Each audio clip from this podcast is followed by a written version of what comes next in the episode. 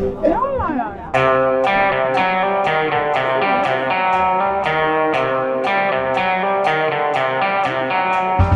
Ikke visste jeg at alle disse dagene som kom og gikk, de var selve uke 42. Det har vært en roligere uke enn den dramatiske forrige uken, Hanne. Ja, heldigvis, vil jeg si. Eh, Men vi har altså fått ny regjering. Landet har fått ny styring. Er det, merker du noe? Merker du forskjell? Jeg synes Når jeg går på gata, så merker jeg at det er liksom en helt annen Nei, det er ikke det. Ikke det? Du merker ikke at det er vanlige folk som styrer eh, landet nå? Nei, for Vanlige folk bor ikke i byen. Vanlige Nei. folk bor i distriktene. sånn at nei, vi i Oslo er fortsatt uberørt av dette. Ja, her er det fortsatt folk flest som, som, eh, som oppholder seg. Vi har eh, vært veldig heldige og fått to eh, gjester i dag. Eh, Audun Lysbakken fra Sosialistisk Venstreparti og Knut Arild Hareide fra Kristelig Folkeparti. Eh, Gjerne klappe litt for dem. Jeg vil si at det er en påtagelig forskjell i klesdrakten her, Anders. Ja, Vi må forklare litt for, for de som bare hører oss på, på eller bare, men som hører oss på podkast på fredag. Det er, det er torsdag her hvor vi er nå, eh, og vi er på bakgården eh, på Grünerløkka. Så de som klapper, er da de tusener på tusener som har møtt fram for å høre denne livepodkasten. Og Knut Arild har da beæret oss for å stille i smoking, rett og slett. Ja, sånn er det nesten når du har gått av, og så blir du invitert på podkast. da kler du deg opp. Eh, nei, det er faktisk sånn at eh, kongen han har invitert på gravøl eh, i kveld. Så dette er Så jeg skal på nachspiel på Slottet i dag. Ja. Og mm, da inviterte så han Det gjør han hver gang en regjering går av. Så inviterer kongen og dronninga på en middag med ektefelle, eller med partner. Eh, og der skal vi i kveld. Og han sa vi kaller det gravøl, men det pleier å bli veldig hyggelig. Er statssekretæren også med, eller er det bare ministeren? Du, I dag er det bare kabinettet til, til kongen. Ok. Så da er det, ja, da er det rene statsrådet. Da er det bare statsråder med partnere. Ja. Og så vet vi at Lysbakken antagelig- antageligvis ikke får bli med på sånn middag, for han sa jo nei til å være med i denne regjeringa. Det er riktig, det var selvfølgelig det viktigste argumentet mot, men vi landet likevel på, på å gå til Stortinget. Så eh, Nei, men eh, det er jo eh, Jeg jeg var redd jeg hadde bommet på kleskoden i VG, så det var bra Knut Arild hadde, Knut Arild hadde en forklaring. Ja. Knut Arild har gjort et visst inntrykk, må jeg si, når Ja, han bare ja, kommer dashing inn her på bakgården i smoking og, og feier gjennom lokalet. Jeg hadde lurt på, skulle jeg gå i bunad? For det har jeg alltid gjort på Slottet.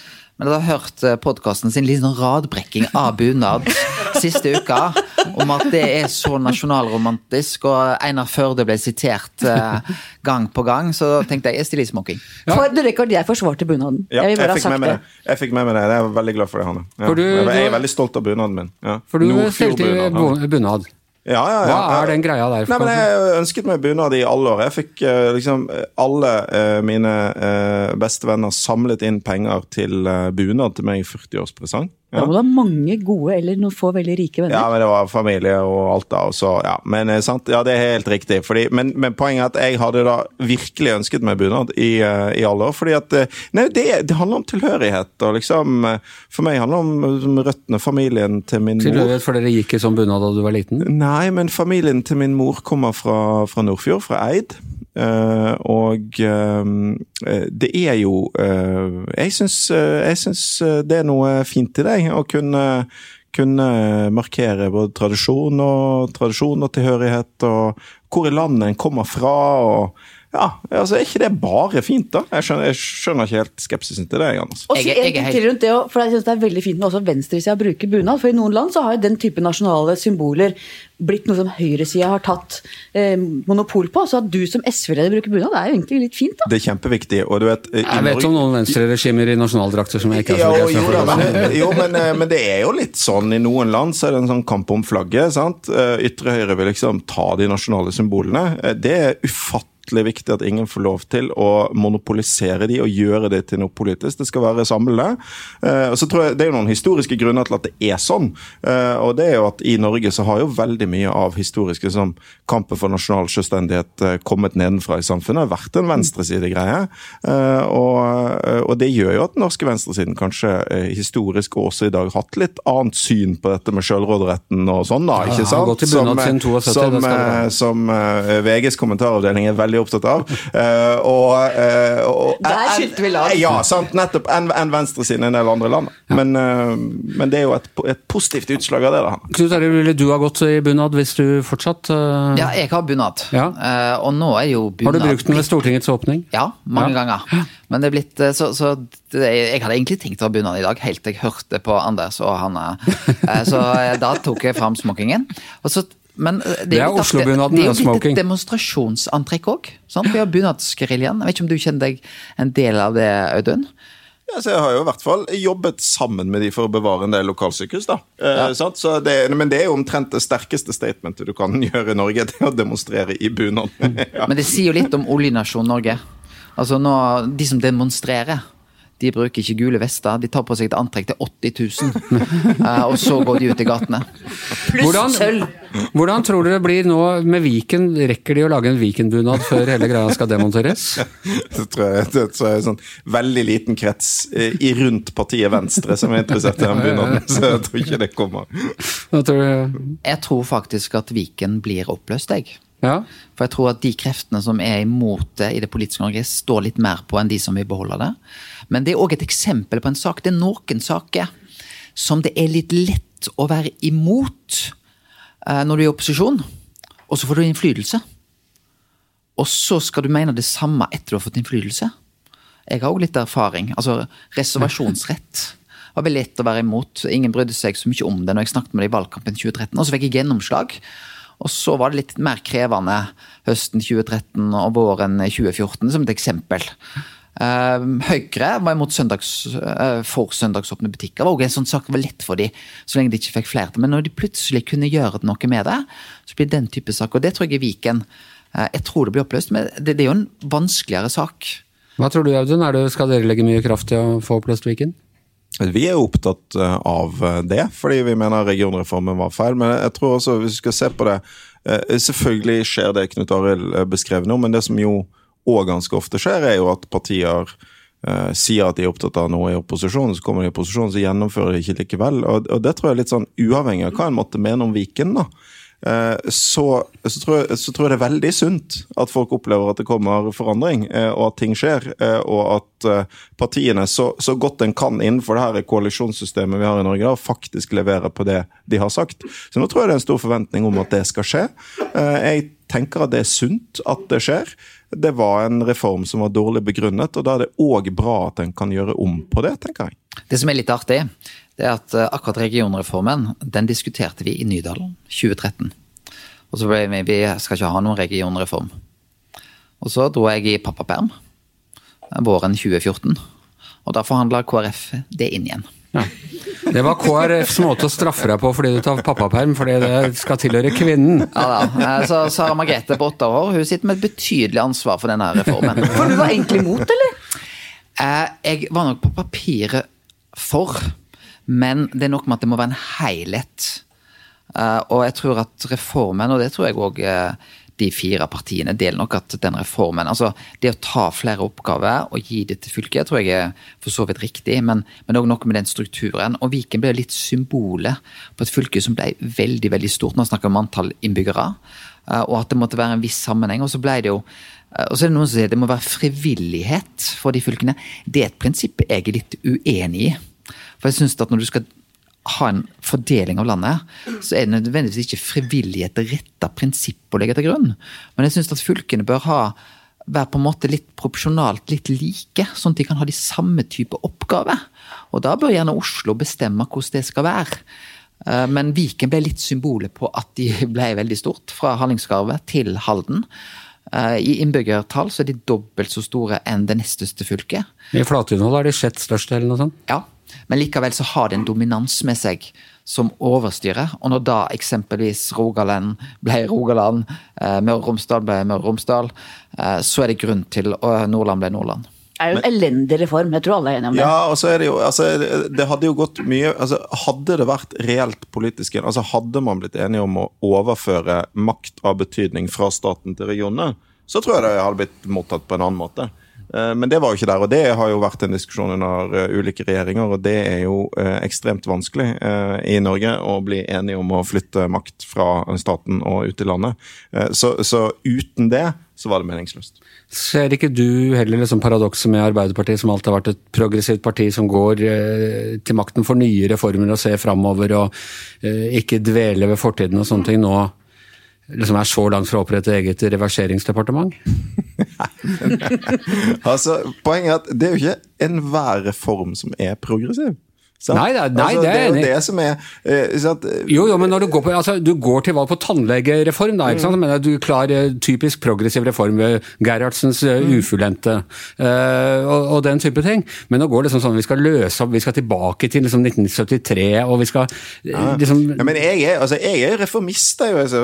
Det, det er jo liksom jo være til en som- tradisjon på veien. Jeg er jo opptatt av å forandre samfunnet gjennom reformer, men så må det jo Men, men det, det blir liksom en misforståelse hvis det skal gjøre at du er for enhver reform. Fordi noe, hvis, hvis noe går galt, da Igjen, så tror jeg tror det er litt viktig for folk å se at ok, det gikk galt, da gjør vi om på det. det og, at, og- og det er jo noe med at du vet, vi, vi er i en tid hvor eh, for mange føler avmakt. Det er en stor fare med polarisering i samfunnet vårt. Det at folk opplever at de blir hørt, det tror jeg er i seg sjøl veldig viktig en del ganger. da. Men jeg er Eh. ikke sikker på om folk i Viken virkelig liksom er så opptatt av det der. altså. Nei, altså vi får se da, men uh, mitt inntrykk uh, i, i noen av de fylkene som det har vært, uh, som det har vært mye engasjement rundt, er at, at, at mange har vært opptatt av det, og at det har blitt stående som et sånt monument på overkjøring. Og jeg tror overkjøring er farlig i den tiden her, eh, og, og det å prøve å, å, å møte folk på det, er sunt. Enten det handler om eh, eh, fylker, eller om det handler om natur som blir rasert, eller, eller andre sånne eh, Alt det som handler om makt og avmakt, det tror jeg vi skal ta veldig på alvor. altså. Det handler, eh, ja. Det Jeg er enig med deg. det Samtidig så er det noe med at det er forskjell på symbolpolitikk og det som er realiteter. Og jeg tror veldig få av de som har bodd i Buskerud eller Østfold eller Akershus, har kunnet navnet på mer enn kanskje én fylkespolitiker. Det er de hemmeligste og best betalt politikerne. Det er liksom den mest sånn kunstige forvaltningsformen. Sånn at jeg, tenker at det er, Man skal liksom ikke se seg blind på symbolpolitikken heller, men snakker oss helt bort på Viken nå. Vi gjør det fordi det du egentlig ja, nå, nå var jeg rett før at jeg skulle lansere sånn Aker-separatisme da jeg ble født. Da var Oslo to, by, to kommuner. Det var, og, og nå, ja. men, eh, men ja, for det du egentlig ville snakke om, eh, det er jo posisjonen i, forhold til regjeringen og, og det deres to partier eh, representerer der. Ja, for det jeg syns er interessant, er jo at Hareide de inngikk en, en forpliktende samarbeidsavtale som gjorde at de var svinebundet til Høyre- og Frp-regjeringen uansett hva de gjorde nesten, og var i opposisjon og ble helt usynlig og havna i krise. Mens Lysbakken jo har valgt en annen strategi, kanskje skremt av Hareide og KrF sine erfaringer, og valgt å ikke inngå en samarbeidsavtale, men gå i opposisjon. Så hvis dere kan reflektere litt begge to rundt de spørsmålene, så syns jeg det har vært veldig spennende å høre på. Så antrekket tilsier at du begynner, Knut Arne. Ja. Eh, Det er ikke tvil om at eh, Jeg tror nettopp den samarbeidsavtalen som vi inngikk i 2013, eh, det var jo fordi at eh, vi mente avstanden var for stor til å sitte i regjering med Frp. Eh, Og dermed så ble det en løsning som vi gikk inn på. Jeg hørte i en tidligere postkast at Trine Skei Grande mente at det var Venstre sin idé. Jeg følte nok det var mer Høyre sin idé.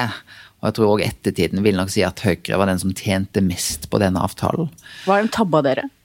Ja, i ettertid så tror jeg det. Fordi at vi ble så tett knyttet opp til regjeringa at da vi fikk våre valg, så var det egentlig på en måte bare to valg. Det var enten å ta en tydeligere opposisjonsrolle og ta et avstand, eller, eh, eller gå inn i regjering. Eh, og, og jeg tror at ja, vi fikk jo en Vi har jo fått veldig mye politisk gjennomslag disse årene. Men vi har òg blitt knyttet opp til ting. Det er paradoksalt nok at det partiet som kan si at minst politisk gjennomslag de siste årene, er jo Senterpartiet. Eh, Men har gjort det desto bedre både i valg og i meningsmålingene. Så det er ikke nødvendigvis en sammenheng. Og det Utfordringen tenker jeg, er jo at du skal jo på et tidspunkt møte velgerne igjen gjennom et valg. Og det tror jeg blir Auduns utfordring. Det blir jo litt sånn at i valget da, i 2025, hvis denne regjeringa får sitte i fire år Nå har jeg tolka det litt sånn at uh, Senterpartiet og Arbeiderpartiet har jo holder muligheten åpen for at SV kan gå inn i regjering underveis. Men det blir litt sånn, hvordan går du da til valg? Går du da til valg på å forsvare den regjeringa som sitter nå? Det blir jo Auduns litt krevende jobb hvis han velger det, eller å fornye regjeringa og endre regjeringa. Eh, mitt poeng er jeg tror når du skal gå til valg, så er det fordel å ha ett av to budskap. Enten da å si vi vil beholde denne regjeringa, eller vi vil ha noe helt nytt. Det er det enkleste budskapet for velgerne å forholde seg til. Og det er litt av utfordringen, tenker jeg, òg med, med, den posisjonen eh, Audun Lysbakken har valgt. Jeg har veldig respekt for det, fordi at han sier noe veldig tydelig at eh, den politikken han har gått til valg på, syns han det var vanskelig å gå inn i regjeringa, men det blir et vanskelig valg, og for SV, tror jeg, inn mot valget da i 2025. Men de kortsiktige løsningene virker som velgerne har vært ganske fornøyd med det valget som SV har gjort. Jeg, jeg, tror at um, Vi har selvfølgelig sett på erfaringene til KrF og Venstre. Vi har sett på erfaringen til vårt svenske søsterparti, som har vært i litt sånn samme situasjon. Men jeg tror likevel at, uh, at uh, vår vårt utgangspunkt likevel er forskjellig. For det er klart KrF eh, og Venstre var sentrumspartier, kunne gå begge veier. Interessante for nesten alle å prøve å påvirke. ikke sant? Vi har jo en mer avklart posisjon i norsk politikk. Det er jo heller ingen måte, historisk sett ny ting for SV å være i opposisjon til en Ap-regjering, men samtidig tydelig på at vi foretrekker at uh, du har en statsminister fra Arbeiderpartiet foran en statsminister fra Høyre. Så jeg tror det er en posisjon folk forstår. Um, og det har jo, men det, men det, er klart at det var en tøff beslutning å ta. Uh, og vi var spent på hvordan det ville bli mottatt. Uh, for vår del så har det jo heldigvis vist seg i ukene etterpå at det har vært ganske stor forståelse for det valget. Altså, det virker som våre velgere, og, en, og noen av Arbeiderpartiet sine velgere òg, eh, har sans for det. Eh, og det gir oss jo et utgangspunkt nå for å kunne klare å gjøre to ting på en gang, som er det vi må gjøre. Prøve å levere resultater til de som har stemt på oss, men òg kritisere regjeringen for, for, det jo vi mener er en for, eh, for stor eh, politisk avstand. Og da var vi tydelige på at vi ikke ønsket en sånn samarbeidsavtale, litt pga. de erfaringene som Knut Arild eh, beskriver. Dere hadde jo selvfølgelig den fordelen at dere alltid var førsteforhandler med regjeringen, men, men, vi tror vel at uh, en friere rolle også kan gi uh, mer innflytelse i, i, mange situasjoner. Så Senest i dag så har vi brukt den til å få drevet gjennom en tidsfrist for uh, når regjeringen må levere på Eh, strømproblemene som mange fattige mennesker i Norge har. Eh, så vi, vi, tror det er det klokeste. Og så er det selvfølgelig sånn at vi også så hvordan ja, det du beskriver, eh, Knut Arild, at, at jeg, jeg, tenker at enten er du i regjering, eller så er du i opposisjon. Mens det dere gjorde, var en litt sånn hybridløsning, der du, der du var utenfor, men med eh, likevel. Og, og, det ble jo, tror jeg, vanskelig for folk å forstå. Altså, Vår erfaring, bygd i 2013, var jo òg på Eh, tre partier som gikk ut av regjering den gang, der det største partiet gjorde det imponerende godt, mens de to minste partiene i den rød-grønne regjeringen gjorde det ganske dårlig ved valget i 2013. Så tror jeg òg Det handler jo ikke bare om hvordan hva konstellasjoner du har. Det handler òg om hva politisk prosjekt du går inn i. Og for å gå litt tilbake i tid, da da KrF gikk inn i regjering i 97, så leverte de på tre ting sånn helt umiddelbart. De leverte eh, ekstra tusenlapp til minstepensjonistene. De leverte kontantstøtta og leverte en verdikommisjon. Tre saker som folket kunne forstå og tok umiddelbart. Det var en viss diskusjon rundt den verdikommisjonen. Ja, det ble mye, men, men ikke, ikke, ikke, ikke, i begynnelsen. Men ikke i begynnelsen. Sant? Da var det en god tanke. Folk nikka veldig til det i 97. Mens for eksempel da vi gikk inn i regjering i 2001 så var det mye mer uklart hva var prosjektet til KrF inn i den regjeringa som ble Bondevik II. Og det er jo òg det, og det tror jeg, det kan jeg skryte av Audun Lysbakken. Jeg syns jo det politiske prosjektet han har bygd opp med SV disse åtte årene, det er mye tydeligere. Og det gjør jo at litt hvor du, hvor du står, eh, om du er i regjering eller utenfor, det blir likevel litt lettere for enklere eh, for velgerne å identifisere seg med SV-prosjektet i 2021 enn eksempelvis var i 2013. Men er, stå, er egentlig Audun Lysbakken noe friere enn dere var? Altså, eh, Arbeiderpartiet ja. kan jo fint ta dere for gitt, for dere vil jo aldri kaste Jonas Gahr Støre som statsminister til fordel for en Erna Solberg. Så dere havner jo vel litt der som Plus SV har vært. Kings Bay. Ja, jo, jo, men det var det jeg skulle si. at Det var liksom én unntaksgreie. Da gikk det kun kort tid, og så var de tilbake igjen. Så SV har jo blitt tatt for gitt av Arbeiderpartiet i, i all den tid når de har utgjort en del av eh, Arbeiderpartiregjeringens parlamentariske grunnlag. Ja, men det vil jo være sånn, tenker jeg, at det som skjedde den høsten, vil jo stå igjen i historien. Som et eksempel på at uh, så enkelt er det ikke, da. Uh, og, altså nå snakker du om Kings Bay? Ja, nei, Kings Bay er jo et eksempel på det, men nå snakket jeg om Hurdal. Oh, ja. Ja, ja. Jo, men, Ja, dere kasta jo ikke en men jeg tror regjering her sånn- nå. Jo, men vi sa det, altså, vi sa det hele veien. Sånn, at vi ønsker å gå inn i en rød-grønn regjering. Men hvis det blir og dette sier jeg ofte, blir det tynn suppe på, eh, på fordeling og miljø, så kommer vi til å gå i opposisjon. Jeg tror kanskje en del kanskje ikke helt trodde at vi ville gjøre det, men, men vi mente det.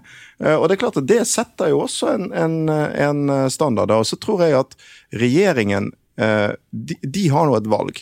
Eh, De må velge om de skal slalåmkjøre i Stortinget, eller om de skal forholde seg stort sett til, til en form for rød-grønt samarbeid med oss. Og så vil jo også det valget avgjøre hvordan vi møter de. Og det er jo kanskje det største si, pressmiddelet vi har. Jeg, tror veldig mange rød-grønne velgere, veldig mange Arbeiderparti-velgere ønsker å se eh, et fungerende rød-grønt samarbeid. Eh, Sånn at det er jo ikke sånn at vi eh, Det er jo ikke sånn at, at ikke vi har mye også å, presse regjeringen med. Men, men først og fremst så, så har jeg en tro på at vi, vi kan få dette til.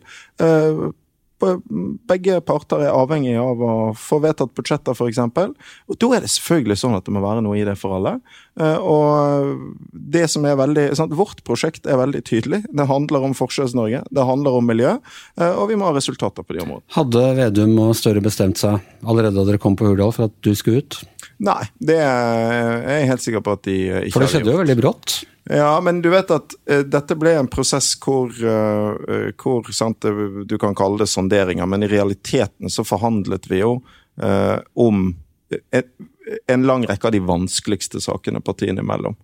Eh, og det var jo klargjørende. Sant? Vi hadde Trine Skei Grande eh, på besøk, han og jeg for to uker siden, og hun sa det var en merkelig måte dere liksom forhandla på. fordi sånn Erna ville gjort det, var at ok, vi går gjennom alle disse tingene, her er det vanskeligheter, ok, vi utsetter det, så går vi på det vi er enige om, og så kommer vi til slutt til de vanskelige tingene. Eh, men det gjorde ikke dere. Nei, altså, og det, Man kan alltid diskutere om det var en god prosess eller ikke. Men, men jeg er ikke så opptatt av den diskusjonen, egentlig. fordi at jeg, realiteten er at det var ikke vilje hos Arbeiderpartiet og Senterpartiet til å strekke seg langt nok på det som var viktigst for oss. Sant? Det, Og de må jo ha ant på forhånd hva som var viktig for ja, dere. og det, sant, det handler om, om eh, skattepolitikk. Vi kan ikke være med på å frede så mye av Høyre sine skattekutt. Vi vet at hvis ikke du har en tøffere skattepolitikk enn det står i Hurdalsplattformen, så kommer du ikke til å få forskjellene ned. Det handler om at vi, sånn, vi har sagt i mange år at nå, vi må, vi, det er utrolig viktig for oss å stå opp for den norske velferdsmodellen ved å stoppe eh, velferdskapitalister. Det, det, kommer vi ingen vei på det, så er det vanskelig for oss å gå i regjering. Og så har du konfliktene rundt olje og klima, der vi selvfølgelig ikke har noen forventning om at alt skal bli sånn som vi vil. Men noe må jo bli sånn som du vil hvis du skal gå inn i regjering. Sånn at jeg tror at Når du ser Hurdalsplattformen og vet at veldig mye hovedtrekkene på de vanskeligste områdene lå der, så blir det også egentlig tydelig sant? Det var ikke prosessen som gjorde at dette ikke lyktes. Det var rett og slett at den politiske avstanden eh, var for stor på de områdene. Og Sånn er det jo ofte i politikk. Det er faktisk politikken som avgjør. Eh, og, og, og det gjør at det på en måte, tenker jeg, det var et ærlig brudd. da. Eh, og, og vi, eh, vi, eh, jeg vil si vi skiltes der som venner på god talefot med hverandre, men med en liksom avklaring dette får vi ikke til nå. Uh, og, og vi uh, gikk i opposisjon fordi vi tror vi faktisk kan få til mer på den måten. Erna forhandla jo Ja. i Nydal i 2013, og det ble bare to av fire partier som gikk i regjering. Ja. Og med den forhandlingstaktikken. Ja. Så det handler jo om reelle politiske forskjeller. Ja, og, og de fire partiene satt ett år i regjering sammen. Eh, som fireparti, og det oppleves egentlig av alle partiene som kanskje det dårligste året. Og det tror jeg du har rett i at den reelle avstanden mellom Senterpartiet og SV var for stor, og den har blitt mye større enn det den var i 2013.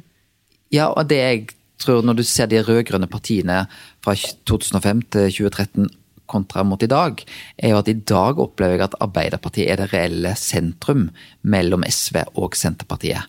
Det var det ikke på samme måten i 2005 til 2013. Da opplevde jeg faktisk at SV og Senterpartiet hadde ganske mange felles eh, takt klima, eh, hvordan Åslaug Haga beskrev jobben hun skulle gjøre i olje og energi, ble jo applaudert av SV den gang og oppleves betydelig annerledes enn den måten Senterpartiet har profilert seg i denne valgkampen. Så, men så, så tror jeg det er viktig å si at ja, altså det er jo riktig at um, det er avstand mellom SV og Senterpartiet på en del områder, men det er jo likevel sånn at når jeg sier at Arbeiderpartiet og Senterpartiet ikke var villige til å strekke seg langt nok til å få det til, så, så er jeg opptatt av å understreke det. Fordi uh, flere av de uenighetene her som handler om, om skattepolitikken, uh, velferdsprofitten, uh, oljepolitikken, er også uenigheter mellom oss og Ap. og hvor det rett og slett er sånn at skal du, skal du få til en rød-grønn regjering, så må også SV få sette sitt preg på de områdene. Og når de ikke er villige til det, da får du det ikke til. og, og så vil det være andre, på noen andre områder igjen, så har jo Senterpartiet og SV stått, stått hverandre nærmest nærmest uh, fortsatt. Men, men, det er jo det at det for ofte ble to mot én. Og jeg er litt opptatt av eh, at en ikke må ha en for eh, sånn ensidig forståelse av hva makt er. Sant? Fordi eh, I utgangspunktet så, så, vil en jo alltid tenke at uh, Og jeg, jeg, er veldig for å søke makt. Jeg mener Venstresiden skal prøve å komme i regjering, men det er lett å tenke at det alltid er mest makt der. Men sånn trenger det ikke alltid å være, for det kan være ganske mye avmakt i et sånt lukket forhandlingsrom. i et regjering. Altså, Jeg har vært med på det sjøl. Ganske mye All avmakt. All makt inni, ligger i Stortingets sal. mye der, avmakt inni det rommet, der ingen vet hva du holder på med. Du har ingen drahjelp utenfra, kan ikke alliere det med noen andre.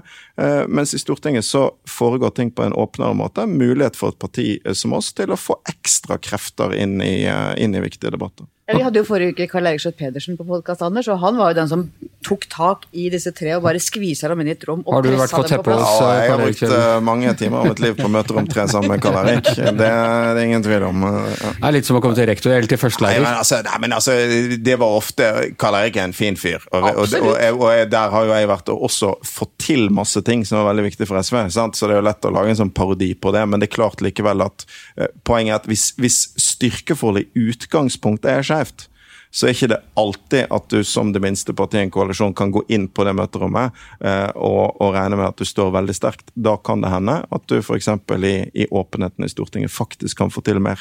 Eh, og det er jo derfor, sant? for En del har spurt meg mener du det du sa på Hurdal, at dere liksom kan få til mer på Stortinget. Ja, eh, det, det mener jeg. Eh, og det handler om å forstå forstå at makt er noe, det er noe mer enn kun de formelle posisjonene. Du, jeg eh, tenkte begge to. Hva best og verst med den nye regjeringen? Eh, det, det, er flere, jeg syns det er flere eh, veldig spennende valg eh, blant statsrådene. Uh, hvis jeg liksom nå bare tar det helt på sparket, syns jeg det er, veldig spennende med Tonje Brenna som kunnskapsminister. Veldig tro på henne. Um, så det er en jeg, jeg, gleder meg til å se, se, i aksjon. Det er også et felt hvor det er veldig mye felles politikk allerede på rød-grønn side, så jeg tror det er mulig for henne å få gjort noe uh, ganske fort. Uh, der ligger noen tydelige og klare flertall i Stortinget så jeg, jeg, håper hun blir en profil. Jeg er jo KrF-er, så jeg blir aldri skuffet over noen. uh, men det, er det som jeg syns kjennetegner Trodde det var selve liksom, drivkraften i uh... ah, Nei da. Uh, men det jeg Jeg, jeg syns at det er mange flinke folk her. Og, og jeg tror Jeg tror jo de to som er trukket fram, er jo de to Utøya-statsrådene, for å bruke det uttrykket. og jeg tror både det er så sterkt og flott at det er to som opplevde Utøya som viser at eh, den kampen mot demokratiet ikke har fungert eh, i 2021. Eh, det tror jeg vi alle er glad for. Og så blir de to statsrådene er jo òg trukket fram som to veldig kapasiteter. Så det er på en måte ikke fordi de var på Utøya de er valgt ut, men de er valgt fullt og helt pga. den store kapasiteten de har. Så syns jeg òg Senterpartiet gjorde mer de, de, var litt mer friske i de valgene enn kanskje jeg hadde tenkt. Uh, og, og, og, det og, ja, Audun og jeg kjenner jo det. Det er jo utrolig flinke folk som jeg tror kommer til å gjøre en veldig god jobb. Uh, erfaringen har jo vist at det å kunne forstå Stortinget når du er mindretallsregjering, er utrolig viktig. Det å kunne håndtere det. Og så Siden du nevner Kings Bay, da, så er det jo klart at det er den type saker som kan bli litt alvorlige for denne regjeringa. er jo litt saker der du, der du har en sak der du ikke har informert eller ikke fulgt opp på en god nok måte. Store kostnadsoverskridelser en mindretallsregjering, så er alltid den type saker veldig krevende. Uh, ja, Dere nevnte, nevnte nå begge Utøya for en justisminister også, som er i Utøya-generasjonen, selv om hun da kommer fra, fra uh, et annet parti. og Hun har jo da fått en ilde opp med denne uh, terrorhendelsen på, på Kongsberg. dere har vært politikere, eller toppolitikere i den epoken på ti år som har gått, hvor vi faktisk har hatt tre terrorangrep eh, i Norge. Har vi blitt bedre til å håndtere det, eh, eller er vi like eh, naive og like fylt av avmakt som vi var da, da dette skjedde første gang? Vi er blitt bedre. bare erfaringer med terroraksjoner har gjort at vi er blitt bedre. Men det er klart at jeg tror òg at den type soloterrorister som vi har hatt da, er ekstremt vanskelig å ha en Og det tror jeg det er noen som i denne uka har sagt òg, vi, vi, vi, må ikke eller tro at, at det er umulig å bare beskytte seg helt mot det. Og så tror jeg vår nye justisminister Det er jo et spark til den regjeringa som jeg òg var med i, som, som hadde fryktelig mange justisministre av veldig forskjellig kvalitet. Han ene leder justiskomiteen i Stortinget nå. Ja, det stemmer. Og, Per Willy Amundsen. og, og jeg tror vår nye justisminister, eh, hun er en fantastisk eh, kapasitet. Og ja, hun er ung, men hun har alt med seg likevel for å kunne lykkes i den jobben. Ja, Jeg så jeg... henne på høringa i Bergen Engineering i kontrollkomiteen, hvor hun kjørte forsvarsministeren, statsministeren og hadde full oversikt. Det gjorde, gjorde et utrolig godt inntrykk. Ja, men det er jeg helt enig i. Og så, så tror jeg altså, Jeg har også tro på henne. og Så, så det spørsmålet til andre som jo er viktig eh, Det har jo to sider. sant? Det ene er jo den fysiske beredskapen, politiet, Forsvaret. Det er ingen tvil om at den har blitt bedre. Det andre som, som vi jo har diskutert ganske mye i år, er jo vår eh, ideologiske beredskap. Sant? Eh, hvor er vi som samfunn i vår evne til å stoppe ekstremistisk tankegods? Der eh, mener jo jeg at vi har kommet kortere. Eh, og, men jeg syns at dette året har vært si, både oppløftende og nedslående uh, på et vis. Fordi uh, det ble en debatt rundt Utøya i månedene rundt tiårsmarkeringen som jeg mener tok oss et stykke. Eh, men ledet an av eh, unge eh, mennesker i ulike partier, også på høyresiden, som jeg syns Som jeg ikke ble tatt godt nok imot, syns jeg, av en del av de eldre på, på høyresiden. Men, men likevel, jeg følte det, det brakte oss videre. Og så nettopp i, i det som har vært aller vanskeligst, diskusjonen om sammenhengen mellom holdning og handling. Det har blitt litt lettere å diskutere det på en fornuftig måte. Og så syns jeg også kanskje et godt tegn at eh, eh, no, det har vært så mye usikkerhet rundt bakgrunnen for angrepet på Kongsberg. Eh, men det har ikke vært masse politisk spekulasjon og spill rundt det. Uh, og det kan også vise at vi har kommet et stykke, tenker jeg. Samtidig så har du, du har jo en, altså du hadde jo etter 22. juli diskusjon om psykiatri kontra ekstremisme. Hatt det med Manshaus.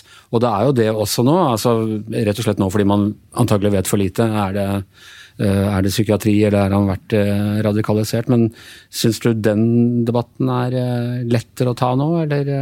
Det, vi får jo se. altså det er klart at det er liksom, det, Du har helt rett i at det er en del ting vi ikke vet ennå. Men, det, men jeg, jeg syns det for så vidt har vært positivt å se at, at mange venter litt da, til vi vet mer. Det i seg sjøl er sunt.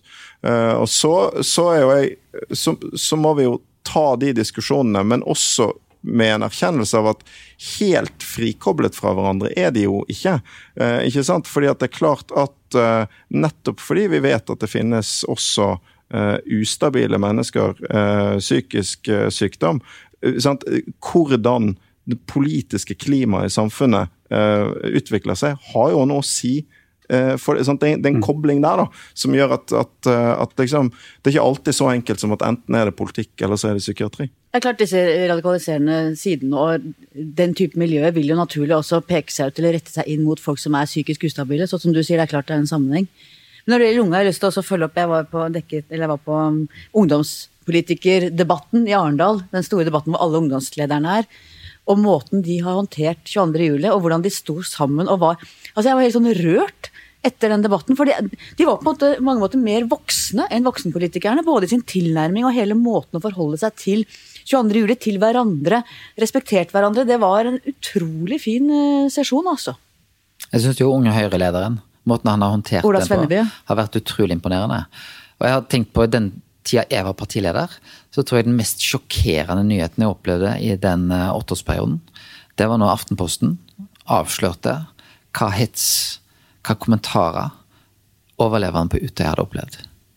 Det var Det kom sommeren 2018. Jeg kunne ikke i min villeste fantasi ha forestilt meg at den type ting egentlig kunne skje. Derfor så syns jeg at markeringen av 22. juli, ti år etter, ble kanskje ikke rett å si, men det ble den flotteste markeringen av 22. juli. Nettopp fordi det var et oppgjør med det. Et vendepunkt. i 20 Et vendepunkt. Ja, det var det. Det, det føltes sånn, jeg tror En av grunnene til det òg var at eh, nå, var, nå var det mulig òg for mange av de som overlevde Utøya, å ta den debatten sjøl og få lov til å prege den. Eh, jeg brukte eh, en del tiden før tiårsmarkeringen til å lese noen av de bøkene som kom i vår. Tonje Brenna sin, som vi snakket om i sted. Alias Bati sin. Jeg vil eh, anbefale de veldig, det, og det gjorde veldig inntrykk på meg. og Det var også en del påminninger mener jeg, sånn om, om debatter vi har forsømt, og som vi måtte ta, men som vi faktisk tok i år. Og så er jo utfordringen å ikke la det gå ti år til neste gang. Litt i samme gata. IS-kvinnen. Bør hun få komme hjem? Ja, det er jo den måten vi kan ta oss av barna. Og jeg syns jo at i den debatten der, så er det jo for meg hva Nato har bedt oss om. Hva USA, eller ikke Nato, da, men USA har jo bedt oss ta ansvar her. Eh, Så det er jo en sak som, som vi nå ser ut fra et sikkerhetsperspektiv, så tror jo jeg at det er Men det er jo pga. barna, det er jo ikke pga. IS-kvinner. Jeg synes det, det er jo pga. at det er den måten vi kan ta oss av eh, barna på. Derfor så mener jeg det er riktig. Du er ikke uenig i det, du? Nei, jeg er jo ikke det. Men jeg, men jeg synes jo det er litt Jeg er litt opptatt av hva slags premisser den diskusjonen føres på. Da. For det er klart at spørsmålet bør IS-kvinnen få komme hjem, så høres det ut som liksom, nå skal vi ta imot henne på en skikkelig hyggelig måte. Og, ikke sant? Altså, men poenget her er jo eh, Det er jo ikke det som er utgangspunktet. Poenget er eh, hvordan får vi norske barn tilbake til Norge?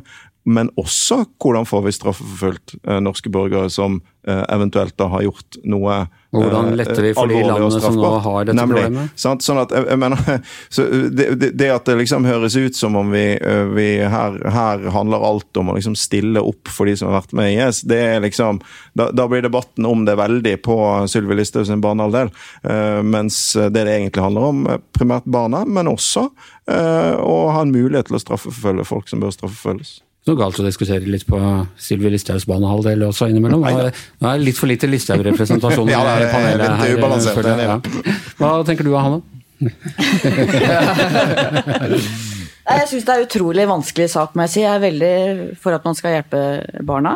Eh, Jeg mener det viktigste argumentet for å ta kvinnene eh, hjem, er at du avlaster eh, de kurdiske områdene. Men jeg kjenner en veldig motstand inni meg mot at de kvinnene skal få komme tilbake til Norge. Jeg mener at de har reist ut og slutta seg til et eh, en ideologi, et system, som har begått brutale, forferdelige overgrep. Altså det er, eh, så jeg har veldig liten lyst til å rekke hendene mine ut til de damene, må jeg si. Men nå eksisterer jo ikke de, det regimet, som de, så, så de er jo ikke der de skal være. Det er jo men, men jeg, kurderne, altså, stakkars. men jeg, jeg tror den grunnholdningen der har, har vi jo til det alle sammen. Altså, jeg, jeg føler jo det samme, men jeg mener at her gjelder det å tenke, eh, tenke altså, eh, rent sånn uh, saklig, konsekvensmessig. Hva, hva er eh, den beste eller, løsningen på, på et vanskelig dilemma? Eh, og da, da tenker jeg eh, argumentene for, eh, for å hente de som ber om det, eh, som har barn, er, er, de sterkeste. Ja, og jeg tenker det, det sikkerhetsmessige er en viktig del av dette. Og der syns jeg den debatten nå så virker det som ikke ta det hjem fordi det er best for vår sikkerhet. Det er jo ikke riktig, mener jeg. Og så kan vi diskutere, det er argumentet mot det jeg står for. Men, men eh, grunnen er jo at vi greier ikke å ta oss av de barna uten at òg de kvinnene blir med. Det er jo forutsetningen her. Så jeg er helt enig i det som uh, du Anne sier. Det er ikke noe med lystbetont, men det er òg da barn som er, lever i helt forferdelige forhold, og som kan vokse opp og bli radikalisert og være en større sikkerhetstrussel 15-20 år fram i tid. Ja, ok. Alle var enige der. Det er fordi vi var på denne banehalvdelen og ikke på, på den andre. Men uh, siste spørsmål egentlig til panelet. Liksom, dere er jo en del av panelet i dag. Og Squid Game. Bør unga få se på Squid Game? Kan vi lære noe om de store forskjellene her i verden, uh, Audun, med å se på Squid Altså, Game? jeg har ikke sett Squid Game ennå, men jeg, det har jeg tenkt å gjøre. da. Uh, Jeg ser egentlig ganske mye TV-serier, men har ikke kommet dit. Men, men det er jo et eller annet med Jeg er litt sånn eh, Bør eh, unger se eh, film med masse vold og drap? Svaret, det korte svaret på det er jo nei, men så er det jo et eller annet det er, det er et eller annet med den sånne, de offentlige diskusjonene om liksom, hva barn skal få se på, som minner meg litt om altså når, På 80-tallet, når jeg vokste opp, så var det jo sånn Hvor skadelig er videoen for barn? Ja, mange som heter var VHS. Det kom til å ødelegge Foreldrene mine var bekymra fordi jeg leste ja, for mye ja, Donald ja, mine, så- altså, det, men, men du kan si eh, vi, eh, vi overlevde VHS-en, så det er mulig at dagens barn overlever Squid Game. Hva tror du, Knut Arild? Dette er ikke mitt største fagområde. Jeg fikk spørsmål hva jeg syns om Game of Thrones, og da sa jeg det har ikke jeg spilt. uh, så da Så viser det at det er det du har spilt de siste ti åra. ja. uh, Men jeg tror jeg har litt større troverdighet enn Audun når jeg sier at dette kan jeg ikke få med meg å se, for jeg har betydelig bedre tid enn Audun. uh, Så, så jeg kommer igjen tilbake om et par måneders tid, da jeg har fått med meg denne serien. Ja. Hva skal du gjøre nå? Du er eh, arbeidssøkende? Jeg må jobbe, eh, og jeg tror nok det ordner seg i løpet av en viss tid. Så det er jo spennende. Det er en epoke i mitt liv som er over, så nå blir det andre ting. Og den er over, du skal ikke tilbake til politikken? Det- Du er jo fortsatt en relativt ung mann. Jo, takk for det. Uh, nei, jeg tror nok det er definitivt uh, min tid i politikken på riksplanet er forbi. Ikke noen ministerpost i Lysbakken-regjeringen når, eh, når den der for vanlige folk Det, må gå av? Det skal jeg vurdere når. Audun ringer. Ok, ok. Jeg ser at vi ikke kommer lenger med den, men uh, tusen takk eh, til dere, Audun Lysbakken og Knut Arild eh, Hareide. Tusen takk til Hanne Skartveit. Tusen takk til bakgården som har oss. Jeg heter Anders Giæver, og vår produsent og mannen som er en blekksprut over hele produksjonen, er selvfølgelig vår produsent Magne Antonsen.